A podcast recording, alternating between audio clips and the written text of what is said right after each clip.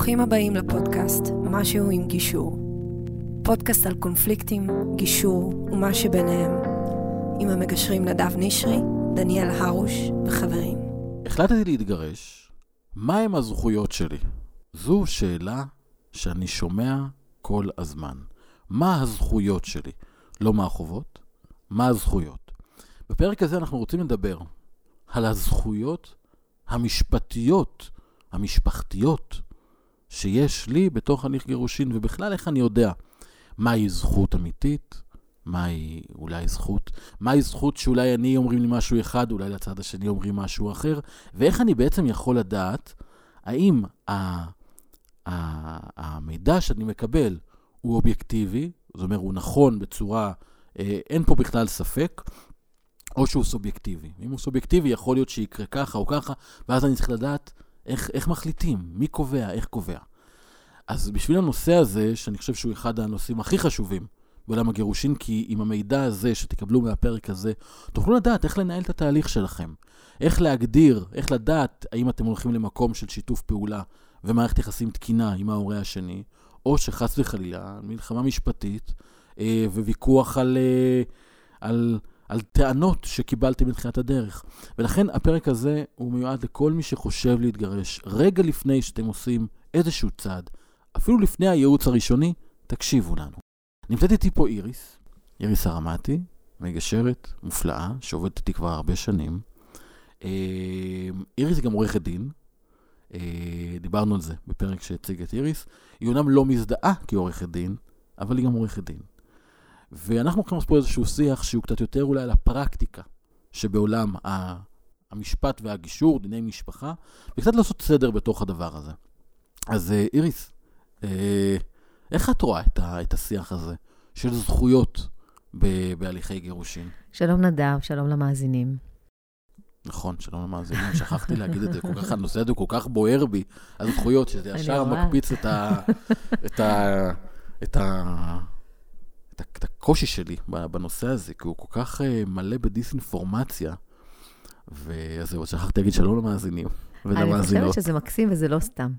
אתה פתחת בשיח שמדבר על זכויות, ומיד כל ההתנהלות הופכת להיות אה, משהו אה, יותר מלחמתי. כן, התכווצתי. יותר לוחמני. ממש. יותר אה, אה, מחפש את ה... למה זה, לדעתך? למה אני ככה מתכווץ? כי אני חושבת שבאים לדבר הזה, למשפחה, גם אמרת קודם בפתיח, זכויות משפטיות וזכויות משפחתיות. זה מאוד שונה אחד מהשני, זה לא אותו דבר. אני רוצה רגע לשים על זה, להסתכל על זה רגע ולשים על זה איזשהו זרקור. בעולם המשפט באמת מדברים הרבה פעמים בנושא של זכויות. מה מגיע לי? מה מגיע לי על פי חוק? מה הזכויות שלי? מה מותר לי? מה אסור לי? זה שיח מאוד מסוים בעולם הזה. וכשאנחנו מדברים על משפחה, זה שיח אחר. זה שיח שבסדר, הוא מחובר גם לעולמות המשפטיים, אבל יש בו הרבה עולמות נוספים. משפחה זה לא רק משפט. זה לא... זה, זה, זה, זה לא הר... משפט, זה, זה, זה הרבה... משפחה זה לא אירוע משפטי. חיים. זה הרבה מעבר, זה דבר שלם ורחב יותר. ובתחום הזה, אני רוצה רגע, קודם כל, רגע לשים איזשהו, לפתוח רגע את השיחה ולהגיד, רגע, בואו נסתכל על התחום הזה של תחום המשפחה בעיניים המשפטיות. כמה חוקים יש בתחום הזה? על מה אנחנו מדברים? איך זה עובד בכלל, הדבר הזה? אז בואו בוא נתחיל מזה, כשמדברים על תחום של משפחה ודיני משפחה, ומדברים על חקיקה, אם אנחנו מדברים על מדרג חקיקה, על איך זה עובד בארץ, אז יש חקיקה, חוקי יסוד. חוקי יסוד. חוקי יסוד שאמורים בעתיד אולי לבנות את החוקה מהם, לכשתהיה, כשתהיה, אם תהיה. אם תהיה, כן. תחתיהם יש חקיקה רגילה, חוקים שכולנו מכירים. תחתיהם יש תקנות שנועדו אה, ליישם את החקיקה הראשית, מה שנקרא, ותחת התקנות יש פסיקה. עכשיו, זה, עכשיו זה קצת נהיה לי משעמם. אוקיי. בוא נשב רגע, רגע. בוא, בוא נסביר את זה עכשיו ב... מבחינת פשטות. מה שזה אומר, שחוק יסוד, אם יש משהו ברמת חוק יסוד, כבוד האדם וחירותו. אי אפשר לפגוע בקשר של הורה וילד, יש לו זכות להורות, ואין שום חוק שיכול לפגוע בזה. ומתחת לזה יש חוק, שאומר שאם נסעת בכביש מסוים ב-80 קמ"ש, אתה אשם. למרות שזה זה גם מתחבר עם התקנה, כי החוק התקנה. אומר שהשר יכול לשנות את התקנה. למה זה אבל ככה חשוב? למה זה בעולם המשפחה כל כך חשוב? אני אגיד, כי אני בדיוק על זה רוצה להגיד. תחת כל הדבר הזה, בסופו של דבר, בתחום הזה של דיני משפחה, יש מעט מאוד חוקים שכתובים בספר החוקים. נכון. אחד מהם, אתה התייחסת על זכותו של הורה, אז חוק הכשרות המשפטית והאפוטרופסות, שמדבר על הזכויות של הורים להיות הורים לילדיהם, וגם על החובות של ההורים לדאוג לילדיהם, למעט מקרים חריגים שבהם שוללים את זכות האפוטרופסות, אבל בגדול, בוא נדבר על זה רגע, בוא נחדד אוקיי. את זה. הורה, מעצם זה שנולד לו ילד, הוא אפוטרופוס של הילד. זה לא הוא למשמורת אפוטרופוס טבעי. טבעי. טבעי. לא קשור למשמורת, לא קשור לזמני השהייה. זה אומר שיש לי זכות על הילד, כמו להורה השני. חצי זכות חצי. וחובה. זכות וחובה. זה ביחד. נכון, אבל. אנחנו מדברים על אחריות הורית משותפת היום. נכון. בעצם, ומשמורת, אתה, שמונח אתה, שכבר אתה יודע, הולך. זה מונח שיוצא רלוונטי. מהלקסיקון ויוצא נכון. מהעולם, נכון. כי כבר לא מדברים היום במונח של פעם משמורת. היו אומרים, אני חייב להיות משמורן, כי אני אוכל להחליט, אבל לא, זה מעולם לא היה ככה. דיברו במונחים להחליט, של משמורת והסדרי ראייה, נכון. היום אנחנו לא שם. דיסאינפורמציה מובהק זה היה, בכל נכון. שיח משפטי. שהייתי שומע, אתה צריך להיות המשמורן, או את צריכה להיות המשמורנית כדי שתוכלי להחליט. לא, זה לא היה הסיפור. זה נורא מבלבל, זה היה מבלבל אז, נכון. ולכן אני חושבת שניסו לעשות בזה סדר. היום מדברים על אחריות הורית, והיא קיימת לשני ההורים, אלא במקרים חריגים שבהם יש סיבה את יודעת לשלול. שרק לפני שנתיים, בערך, במקרה הנורא, על, אני לא זוכר את השם שלו, זאתי שהוא ניסה לרצוח אותה והדליקה משואה, שירה? אה, נכון? איסקוב? שירה איסקוב. כן. רק במקרה הזה, פעם ראשונה, שללו מהורה שניסה לרצוח את ההורה השני ואת הילד, את האפוטרופוסות. טוב, היה שינוי גם חקיקתי אבל רק אז, בנושא עד הזה. אז אדם היה יכול לרצוח את ההורה השני, והוא עדיין אפוטרופוס. זאת אומרת, וזה לא כל- קשור לזמני השהייה. שאתה אומר, זה כל כך חזק הדבר הזה. כן. כי זו זכות מאוד מאוד... אז בדיוק. קודם כל, אני רוצה, בזה אנחנו יכולים להרגיע את ההורים. אין קשר בין זמני השהייה, בזמן שכל אחד מכם נמצא עם הילדים, לבין הנושא של הזכות שלכם והאחריות שלכם להחליט בעניינים המשמעותיים נכון. בנושא הילדים. לטוב ולרע. כי אז באים ואומרים, אני רוצה להיות עם הזכות, ואם אני רוצה, רוצה לרשום ילד אה, לחוג, לך תיקח אותו לפסיכולוג, אני לא יכול בלי הסכמת ההורה השני, ולא משנה כמה ההורה השני רואה אותו. זאת אומרת, יכול להיות שהאבא רואה את הילד חוד, יום בחודש, אבל עדיין, כדי לקחת ילד לפסיכולוג, צריך אישור של האבא.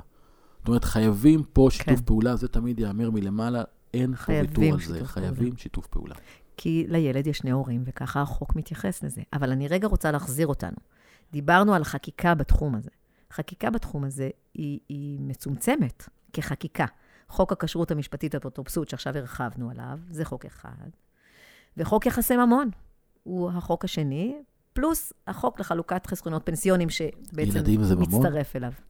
שאלה טובה, ילדים זה לא ממון. זה לא ממון. זאת אומרת, החוק הזה זה לא הוא ממון. לא נוגע הוא בילדים. מתעסק אך ורק בנושאי הרכוש. רק רכוש וכסף, כל כן. מה שצברנו בתקופה המשותפת. בעצם יש בו שני דברים עיקריים, יש בו הרבה דברים, אבל יש בו שני דברים עיקריים, שאומרים בעצם, חוק יחסי ממון שעוסק בנושא הרכוש, אומר, כל מה שבני זוג צברו בתקופת הנישואים או בתקופת חייהם המשותפים, מתחלק חצי-חצי בהיעדר הסכמה אחרת. יפה. כלומר, זה חוק, מה שנקרא דיספוזיטיבי. אפשר להתנות עליו. אפשר להתנות עליו לפני הנישואים, אפשר להתנות עליו לפני- במהלך הנישואים או בגירושין. בוא נגיד בעברית, אם ההורים רוצים שזה יתחלק 70-30 או לא יתחלק, אפשר. יכולים. אבל החוק אומר, הכל יתחלק, כולל זכויות סוציאליות, הפנסיה, קופות השתלמות, קרנות השתלמות, קופות גמל, ביטוחי מנהלים, הבית, הרכוש, כל מה שנצבר בתקופה וגם המשותפת. החובות. וגם החובות. וגם החובות. אם יש הלוואות, אם יש אה, אה, הבטחות, צריך לשלם אותם. יש חריגים לגבי ירושה, ולגבי מתנות. ולגבי מתנות. ודברים שהיו לפני הנישואים. נכון. יש, יש חריגים יש בחוק. חריגים. אבל בגדול, אם מסתכלים על זה, מה שהצטבר לנו לפלוס או למינוס בתקופת חיים משותפת, צריך להיות חצי-חצי, אלא אם אופציות, כן, הסכם, כנ"ל. כנ"ל. אלא אם מניות, כן, כנ"ל. כנ"ל. הכל מתחלק. אלא אם כן הסכמנו אחרת. אלא אם כן הסכמנו אחרת. אוקיי? ואלה בעצם, הסכמנו כי אני הכרחתי אותך להסכים? כי הגענו לזה כי בהסכמה הגענו להסכמה. ביחד. זאת אומרת, מרצון אני מסכים. כן. אם מכריחים אותי, אז אני לא חייב להסכים. חצי-חצי. אף אחד לא יכול להכריח אותך. כי זה תמיד השיח המשפטי, ואני שומע את הדוגמאות שאנשים הולכים לקבל ייעוץ משפטי לוחמני. אומרים להם, מגיע לך ככה, מגיע לך ככה, מגיע לך ככה. אבל הצד השני ילך ויגידו לו את ההפך המוחלט. ויגיע לך ככה רק אם אנחנו בעצם בתוך משא ומתן מאוד כוחני. שמעתי כזה מקרה, אתמול סיפרו לי את זה, זה סיפור נוראי. היה דירה שלו מלפני הנישואים. והיה מאבק, היה, התגרשו, היה ילדה בת חמש, כמדומני, גיל קטן, ועל אף שעשו הסכמות והורה מעורב, אה, נהייתה תביעה גדולה, כולל ניכור הורי, כולל, הכי גרוע שיכול להיות, השופטת אמרה, כי הצד השני דרש חלק בדירה מלפני הנישואין, לפי חוק לא מגיע. אבל הוא אמר, אמרה השופטת לצד, ה, לצד עם בעל הדירה, תקשיב, אתה, הדירה היא שלך, של הצד הזה. אמ, וניאבק פה כמה שנים, לא תקבל את זה. בסוף הדירה תהיה שלך. אבל האם שווה לך להילחם כמה שנים? כי אפשר להתיש שבתוך התהליך המשפטי את הצד השני, עד שיסכים לא לחצי-חצי, או לא לשמור על שלו, וכן ויתר על החלק הזה. כי אמר, אני לא שווה לי את הוויכוח. אני מכירה זוגות ש... שעושים את זה, אני מכירה זוגות שגם... תראה, זה גם נורא תלוי, יש הסכם ממון, אין הסכם ממון, מה כתוב בהסכם ממון, אבל בתוך הדבר הזה גם צריך לקחת בחשבון שיש את החיים. ולפעמים גם בצד החוק, יש גם דברים שקורים במהלך החיים, שגם עשויים לשנות חלק מה, מה, מה, מנקודת המבט המקורית שהייתה. כי לפעמים עשו הסכם ממון לפני 25 שנה, נכון. כשהתחתנו, אבל מאז קרו הרבה דברים בדרך. ואז לא מסתכלים בהכרח על ההסכם הזה באותה צורה. נכון. מסתכלים על החיים דהיום נכון. ומנסים להסתכל על הכל, ולכן להכניס את זה למסגרת צרה של חוק, זה, זה, זה, זה, זה לא לטובת המשפחה ולא לטובת בני הזוג, נכון. וזה גם לא נכון, יש בזה משהו מאוד מעוות. אף אחד לא יכול לדעת מה יקרה. לא. יש סעיף 8, כאילו, בחוק יחסי ממון, זה סעיף 8, שאומר בעצם שלמרות שכל מה שנצבר משותף, ומה שלא, לא מתחלק, ומה שירושה לא, עדיין, אני חושב שזה סעיף 8, עדיין מותר לשופט להחליט מה שהוא רוצה. עדיין אומרת, אפשר לעשות, פה יש פה איזה מקום של לנסות דעת. לעשות צדק, ולנסות נכון. לעשות אה, משהו לא שהוא שיקול דעת. תראה, אני, אני תמיד אמרתי בתחום הזה, יודעים, אתה יודע איך אתה נכנס לבית המשפט, אתה לא יודע איך אתה יוצא מבית המשפט. נכון. וזה נכון להכל. אומרים את זה בייעוץ משפטי. אני תמיד אמרתי את זה.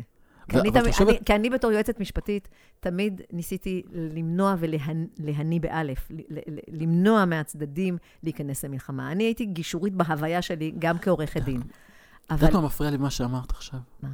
כי זה לא אמור להיות גישורי, זה אמור להיות עריכת דין. עריכת דין אמורה לדאוג לטוב, לטובת הלקוח. אתה לא אמור לדאוג לטובת הלקוח ולדחוף אותו לתוך מלחמה. הבסיס אמור להיות לשפר את מצבו מכל הבחינות. כולל כלכלי, אבל כולל ה-well-being של המשפחה שלו. אבל עורכי דין, לא בהכרח, לא כולם. לא כולם, לא כולם. תמיד, לא תמיד, תמיד זה לא כולם, אני לא מכלילה, אבל כשמסתכלים על השיטה, כשהשיטה היא אדברסרית, שזה אומר שבבית משפט כל צד צריך לשכנע שהלקוח שלו צודק, ואז השופט מכריע מי צודק לפי מה שהביאו בפניו, אז כל צד נערך למלחמה. זה, מש... זה היום זה ממש, זה ממש משפט. בתחום של דיני משפחה, זה ממש משפט שלמה. בוא ניקח את הכל, כי, כי הכל נידון ביחד בעצם. זה לא רק הרכוש. אם אנחנו לא סגורים על הרכוש, אז אנחנו גם נתווכח על הילדים ועל זמני השהייה. תראה, ברוב, המקר... ברוב המקרים גם זה נועד להפעיל לחץ. אם מישהו רוצה להפעיל לחץ בנושא הרכוש, הוא לפעמים, בתחום המש... בעולם המשפטי של המלחמה, משתמש בילדים. ואם הוא רוצה להפעיל לחץ בתחום הילדים, הוא משתמש ברכוש. זאת אומרת, כשאתה נכנס למלחמה, אתה... אנשים יודעים את זה כשהם הולכים לא לקבל את הייעוץ. אתה לא יודע איזה גדור שאלה הולך להתגלגל שם. ואתה יודע, אנחנו מדברים על זה כאן, ואנחנו כן. מודעים לזה. וזה השיח שמאוד מפריע לי. בגלל זה אני מתכווץ. כי אני קורא ברשתות מלא עצות. רוצי לעורך דין, רוצי לעורך דין, רוצי להיות משפטי. אבל להיות משפטי, להבין מה הזכויות. עכשיו, זה בסדר לקבל את כל המידע, אבל צריך להבין שהזכויות, ש... כי זה מסתכם בזה, נכון? חוק יחסי ממון וחוק האפוטרופסות. כן, כל השאר... חוק חלוקת חסכונות פנסיונים שנועד ליס... ש... נועד לה... לפעול כן, זה ביצוע של איך מחלקים זכויות סוציאליות, כי לא מושכים פנסיה. אפשר להעביר מקופה לקופה, לקופה מלווה. יש כמה פתרונות. יש פתרונות. פתרונות זה בתוך הגישור נדבר על זה. אבל בעצם, השיח הזה של רוצו לדבר על זכויות, הוא בעצם מראש מכניס אנשים לתוך תפיסה, כאילו יש משהו שנכון, ושאם לא ישיגו אותו, הם מאבדים משהו. אני חושבת שהשיח המשפטי הוא שיח באופן יחסי מצומצם. כי הוא מדבר על, על נכון ולא נכון, על שחור ולבן. מגיע לי או לא מגיע לי. אני צודק, זה אומר אתה טועה. יהיה לי, לא יהיה לך. יש משהו מאוד מפלג, יש משהו לוחמני ולעומתי, גם נכון. בשיטה וגם באופן שפועלים, כדי שאני אצליח. אז אני אלחם בכל הכוח, בתוך הליך משפטי, כדי להשיג מה שאני רוצה, וזה רוב, הס-. רוב הסיכויים יבוא על חשבונך. אז כל צד ישלם 50, 100, 200 אלף שקל, בשביל להרוויח עוד, מה, עוד, עוד, עוד חלק מהבית, עוד, עוד כסף, זה הרבה פעמים למזונות. אתה יודע, אני תמיד אומרת... זה מדהים. זה עוד, לא עוד, רק עוד המז... אלף לא, שקל בחודש, זה- תשלמו 200 אלף שקל. בשביל מה? גם, וגם לפעמים רבים על הבית. ובסוף הבית הולך לעורכי הדין, כי המ- המלחמה והמאבק גזלו כל כך הרבה זמן וכסף, שכבר לא נותר מה לחלק. אז רגע שנייה לפני הדבר כן. הזה, אני אומרת, רגע, בוא, בוא, אולי נצא קצת מנקודת ההתבוננות הצרה שמדברת על זכויות, ורגע נסתכל על זה רחב יותר. אבל. מעבר לזה, כשאנחנו מדברים על זכויות, כמו שאמרנו קודם, ומסתכלים על חקיקה, היא מתייחסת בעיקר לנושא הרכוש ולאחריות הורית סביב למה זה. לדעתך? אבל מה קורה עם המזונות וההוצאות של ילדים? שמה זה לא עניין של חקיקה. אז פה יש לנו כן חידוש שאפשר להגיד, כי לפני שלושה חודשים, אנחנו היום בסוף ספט, ספטמבר, אחרי ראש השנה, אז לפני שלושה חודשים סדר גודל, יצא פעם ראשונה, הנה חידוש פה שלא מדברים עליו הרבה, כי הוא קצת הצעת חוק. הצעת חוק. עכשיו, כי מדינת ישראל מבינה שיש בעיה בגלל שאין חוקים, מזונות, אין חוק, אין מינימום. אני אומר את זה כל הזמן, אנשים מתווכחים איתי על זה לפעמים. כי אנשים נורא מתבלבלים. בגלל זה כשדיברנו בהתחלה על מדרג החקיקה, ואמרנו, יש חקיקה, אה, אה, יש- יש חוקי יסוד, חקיקה ראשית, תקנות, מתחת לתקנות יש פסיקה והלכות. ובפסיקה נכון. צריך ונוהג. לקחת בחשבון. ונוהג. אבל כשמדברים על פסיקה, מה זה פסיקה? פסיקה זה, זה זוג מסוים עם עובדות, עובדות החיים שלהם, המקרה המסוים שלהם, בבית משפט מסוים, אצל שופט מסוים, שנד, שדנים בתיק, אוקיי? נכון. והוא הוא עושה פסק דין שנכון לזוג הזה. בנסיבות הספציפיות שלהם, בעובדות הספציפיות שלהם, ו- ו- ו- ולפי, וגם לפי השקפת עולמו של השופט, כן? בואו ניקח בחשבון שלפעמים נכון. זוג אחד יגיע לשופט אחר, גם אם זה באותו בית משפט, או לבית משפט אחר, יכול להיות שהוא יקבל תוצאה שונה, קצת שונה או הרבה שונה. לפעמים יש גם, אנחנו רואים בתוך, כשזה מגיע לדיונים רחבים יותר, יש דעות שונות לשופטים על אותו נכון. נושא, נכון? דעת מיעוט, דעת רוב. נכון. עכשיו, זה נכון שיש כמה דברים שהגיעו לבית המשפט העליון ונוצרה בהם הלכה, אבל גם הלכה צריך ליישם. והיישום של. ההלכה בואי נספר את הסיפור הזה רגע. הוא שונה. אוקיי. זה סיפור שאני אוהב לספר אותו בחדר כן. גישור. תמיד שואלים אותי על המזונות. כן. שימו לב, עכשיו אני מסביר על נושא המזונות בישראל. איך זה עובד הדבר הזה. אוקיי. פעם הסיפור היה מאוד פשוט. ממש ככה אני מספר את זה בחדר גישור. פעם הסיפור היה מאוד פשוט, הורים מתגרשים, ילדים הולכים עם אימא, אבא לוקח שתי יחידת דיור או גר אצל סבתא, רואה פעמיים בשבוע בין ארבע לשבע את הילדים, זהו. ואז כל הסיפור... רגע, גם פעם, בעיקר, האבא היה המפרנס והאימא הייתה נכון, בבית. אימא בבית, נכון. זה פעם, היה זה מה התפיסה. שהיה פעם. החוקים האלה נכתבו בשנת 63, כמדומני. כל התפיסה הזו התבססה אז. שאימא בבית, אבא מפרנס, וכולם היה נוח. לאט לאט עם השנים, זה המהפכה המגדרית. יש פרק שאגב, אני ודניאל עשינו עליו לפני שנתיים, אני לכם לקרוא, להאזין אותו, על המהפכה המגדרית, חלו שינויים. אימא יצאה לעבוד, אבא נכנס לבית. פתאום נהיו מערכות יחסים שיש בהם שני הורים נוכחים ברמה כזו או אחרת. מהמקום הזה, אלה כשהם התחילו להתגרש, רגע, המהפכה המגדרית מתייחסת לכמה דברים. זה גם נשים שיצאו לעבוד ועשו קריירה, וגם גברים שרצו להתחיל להיות מעורבים יותר נכון. ויותר בגידול נכון. הילדים. אני- יש לזה את שני הצדדים. אמר, יש לי שם פרק שלם, דיברנו אבל על זה, זה... לחבר רגע את מי שלא כן. שמע את הפרק ורוצה להבין על מה אנחנו מדברים נכון. פה. נכון, שזה הנושא היום, הנושא. גירושין זה המהפכה המגדרית, זה הנושא הכי רלוונטי שעליו צריך להתעסק לדעתי בעיקר. אמ, ואז הגיעו לבתי המשפט הורים שלהם בהבנה יש לילדים שני בתים. אבל אם הולכים לפי הנוהג שהיה על חלוקת המזונות, שבגלל שאבא יש לו דירת שני חדרים והילדים עם אימא, אז אבא משלם את כל הוצאות הילדים, וחצי חצי במחציות זה היה נקרא.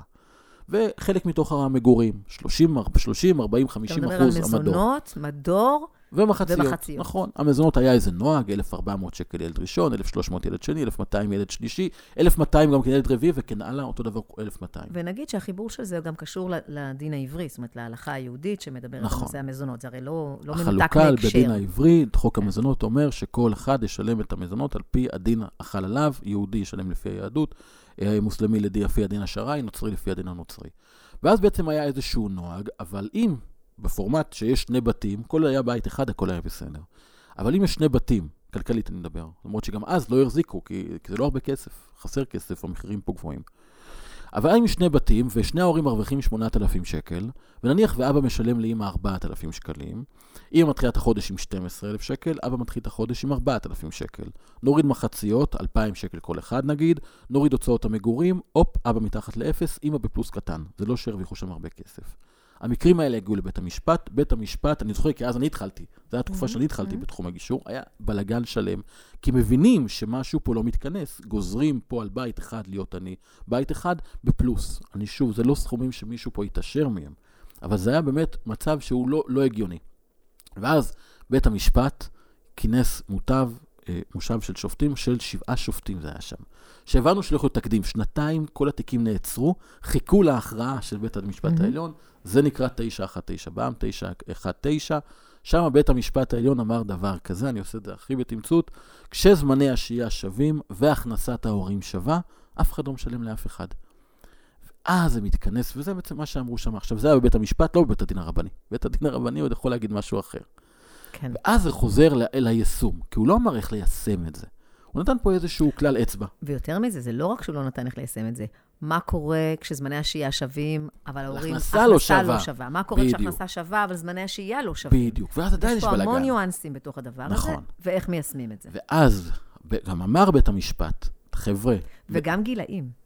וגם גילאים. עד גיל 6, מעל גיל 6. נכון, אבל פה יש קונץ. כי התיקים שהגיעו לבית המשפט, הם היו מעל גיל 6. הם היו בטווח שבין 6 ל-15. בדיוק. ואז, לא ניכנס לתוך הדבר הזה, כן. כי גם היום אנחנו יודעים שהמגמה היא גם לתת גם כן, גם מתחת לגיל 6, להפעיל את אותו היגיון.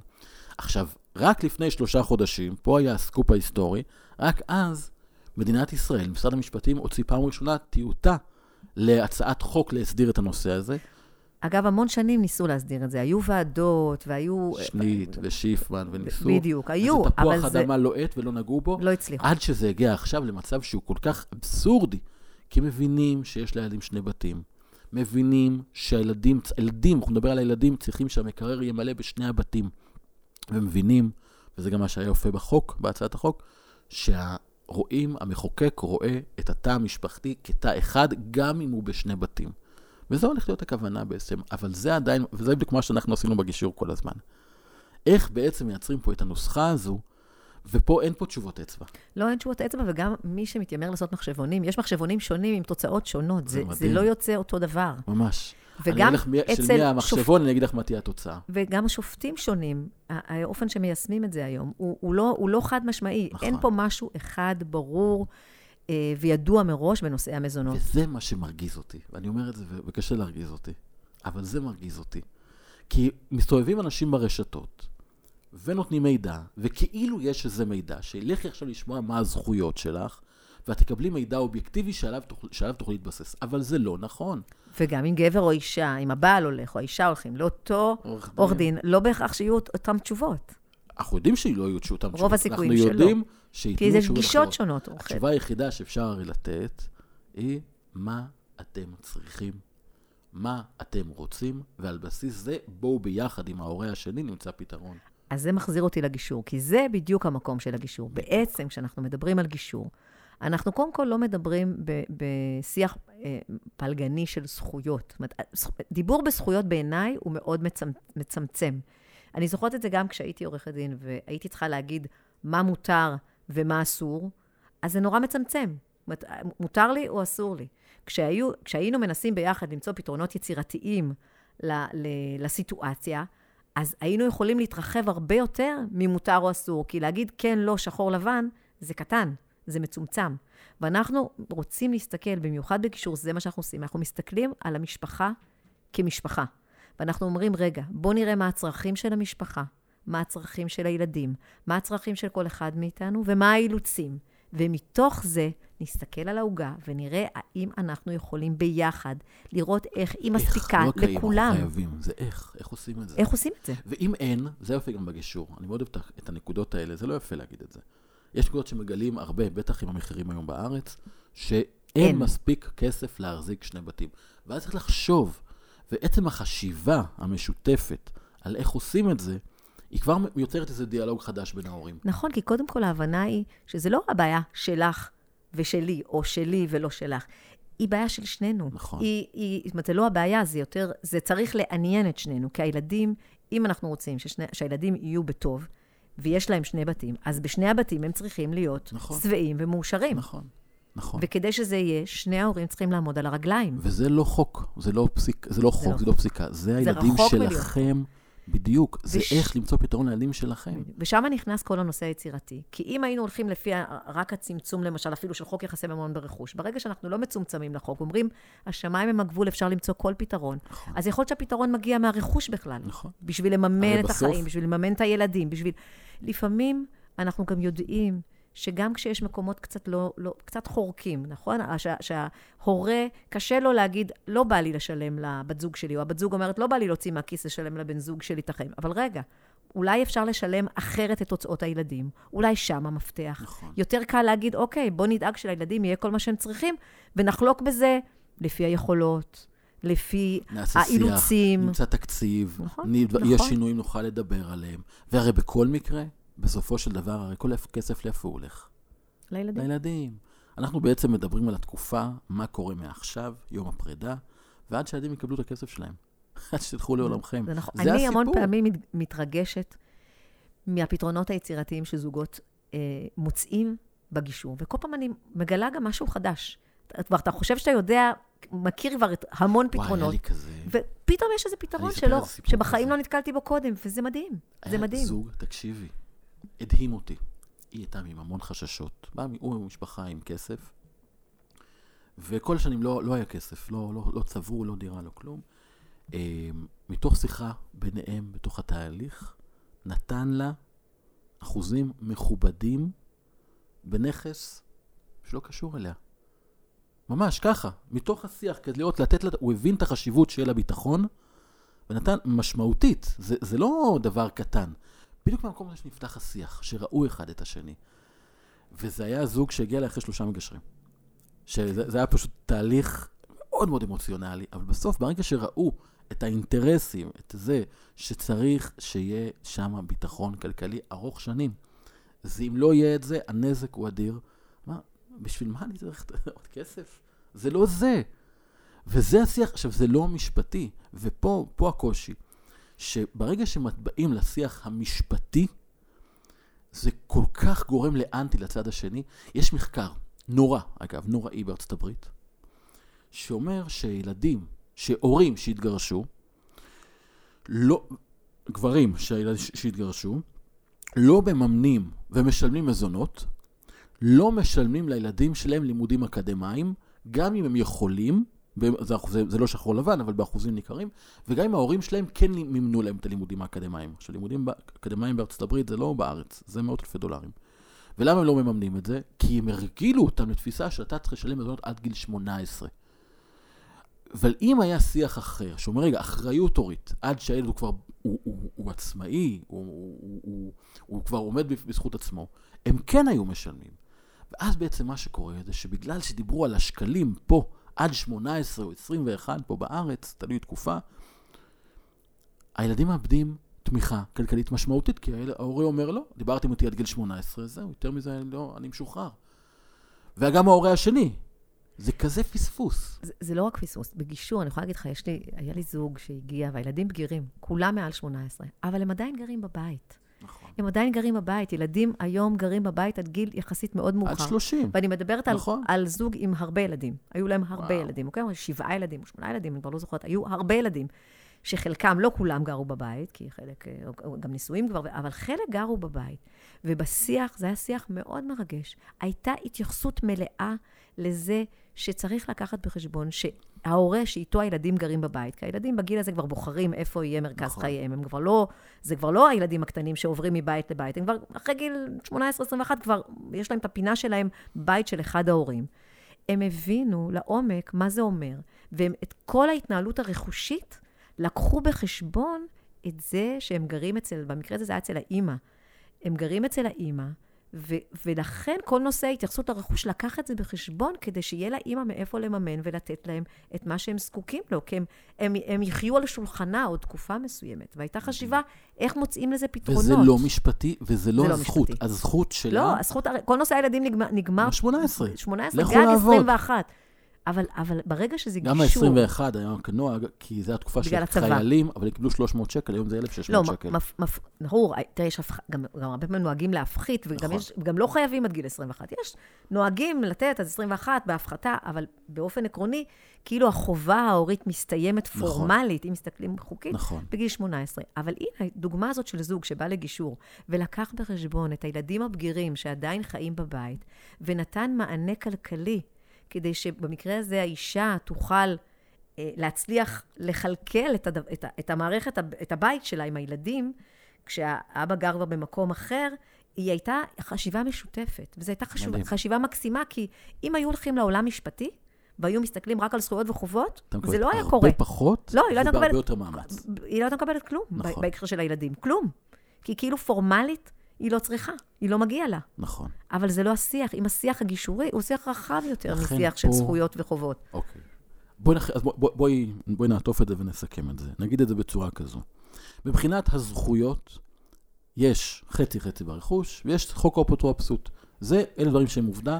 רגע, חצי-חצי בזכויות, אלא אם כן מסכימים. אלה אחרת. הקוד, הזכויות, אוקיי. כשמדברים לתבוע, זה זכות. זאת אומרת, לקחו את זה כמובן מאליו, זה אני כן יכול להגיד את זה, לקחת כמובן מאליו שכל מה שנצבר בתקופה המשותפת, אלא אם כן יש הסכם ממון, ונצבר, הוא משותף. זה, זה זכות ש, שכל מי שמגיע, מגיע לתהליך גירושין, צריך לדעת את זה.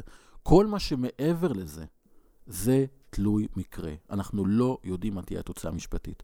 ולכן כשבונים אסטרטגיה לאיך להתגרש נכון, צריך לחשוב לא רק מה מגיע לי, כי בדרך כלל, בטח עם המצב הכלכלי היום, המגיע לי הוא מאוד לא מספיק בשביל לחיות חיים טובים, אלא מה אני צריך. וכשמדברים על מה אני צריך, השיח צריך להיות איך אני רותם את ההורה השני, לראות גם את הצרכים שלי, אבל צריך לדעת שאם אני רוצה שהוא יראה את הצרכים שלי, אני צריך גם לראות את הצרכים שלו. ואז אנחנו צריכים לנהל על זה שיח. וזה גם אם אני החלטתי להתגרש, זה בסדר, זה מותר, עדיין אני צריך לשתף איתו פעולה. המחשבה, וזה קורה הרבה לצערי, שמישהו אומר, אני התגרשתי, ובנה איזה, בנה, בנתה תוכנית איך הדברים הולכים להיראות, וברגע שהצד השני, אבל אומר, רגע, רגע, רגע, זה לא מתאים לי, פה חושבים ששר, אז הוא, הוא נרקסיסט והולכים למלחמה. זה ישר נהיה קושי, הוא לא מקבל אותי.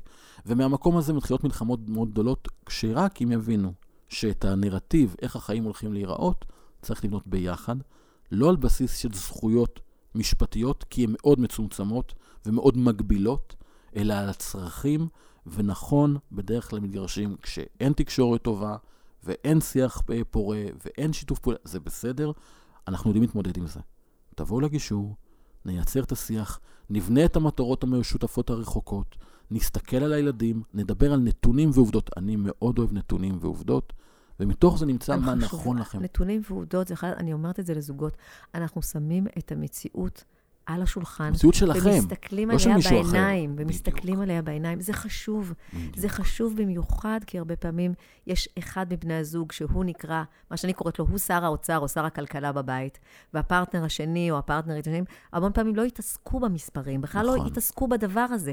ואנחנו שמים את המציאות בעיניים, כי נכון. שניהם צריכים להסתכל עליה. ולמצוא ביחד פתרונות כדי ששניהם יוכלו להרים את הראש ביום שאחרי, גם אם אין הרבה כסף. כשיש הרבה כסף אז יותר קל, אבל רוב לא המקרים... תמיד. קל במובן הזה שזה לא, אה, מה לא על. פת לחם. כן. אבל רבים לפעמים הרבה יותר, זה לא. אומר שלא רבים, אה, נכון. אה, אה, שרבים פחות. אבל צריך להסתכל על המציאות בעיניים, ואנחנו עושים את זה בגישור, ואנחנו מוצאים ביחד פתרונות, כדי ששניהם יוכלו לחיות בכבוד ולגדל את הילדים. נכון. שלילדים יהיה את מה שהם צריכים. זה מה נכון. שחשוב.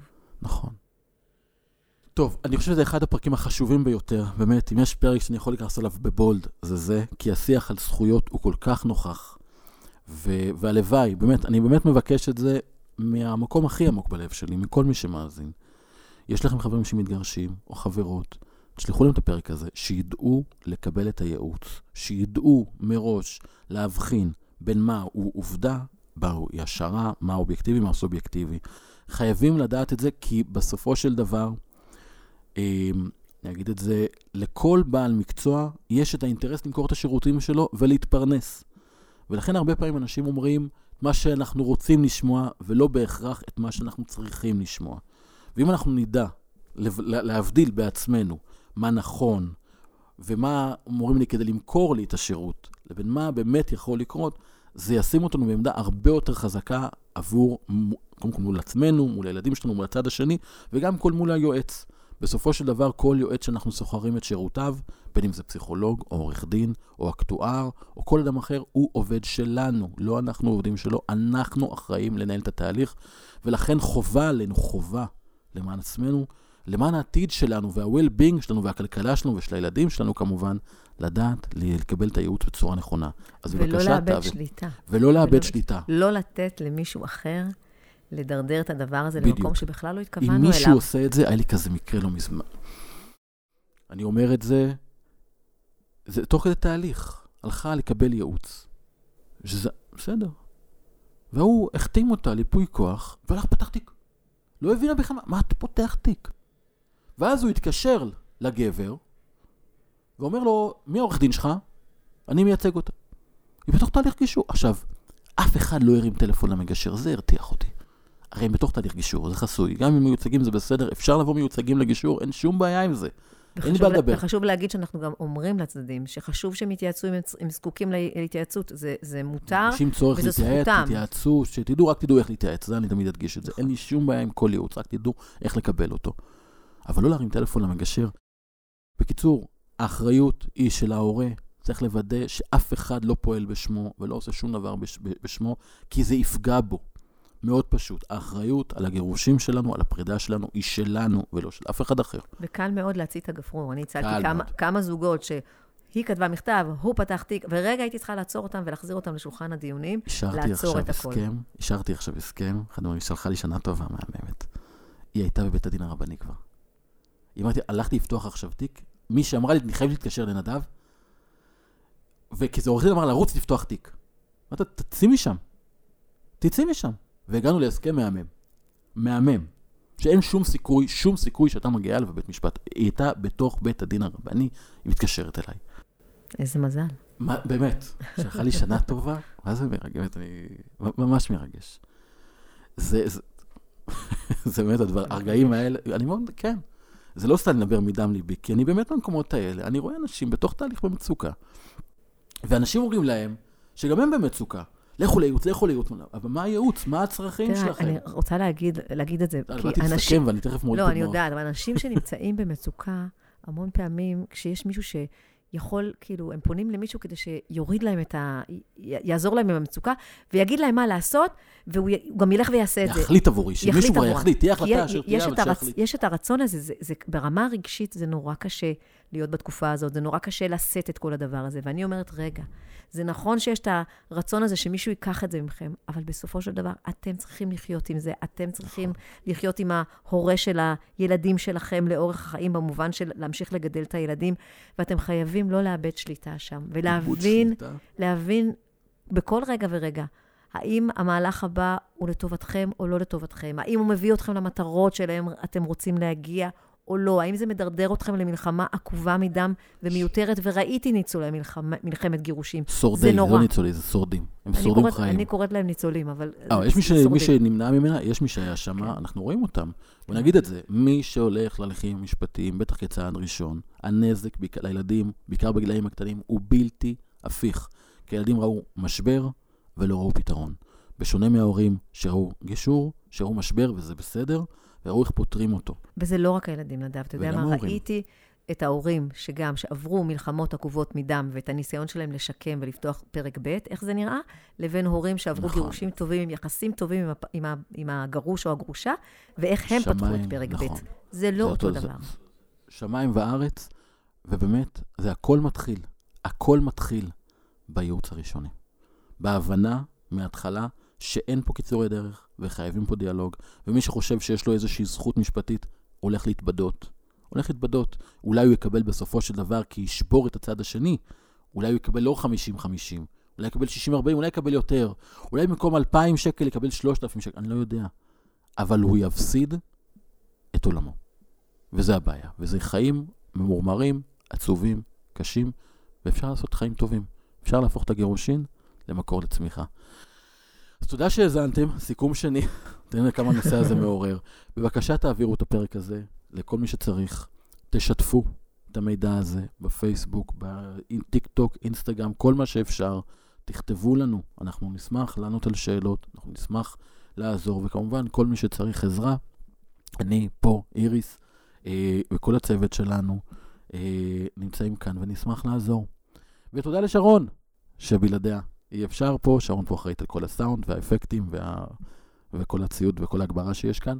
אז אה, תודה רבה, ולהתראות בפרק הבא.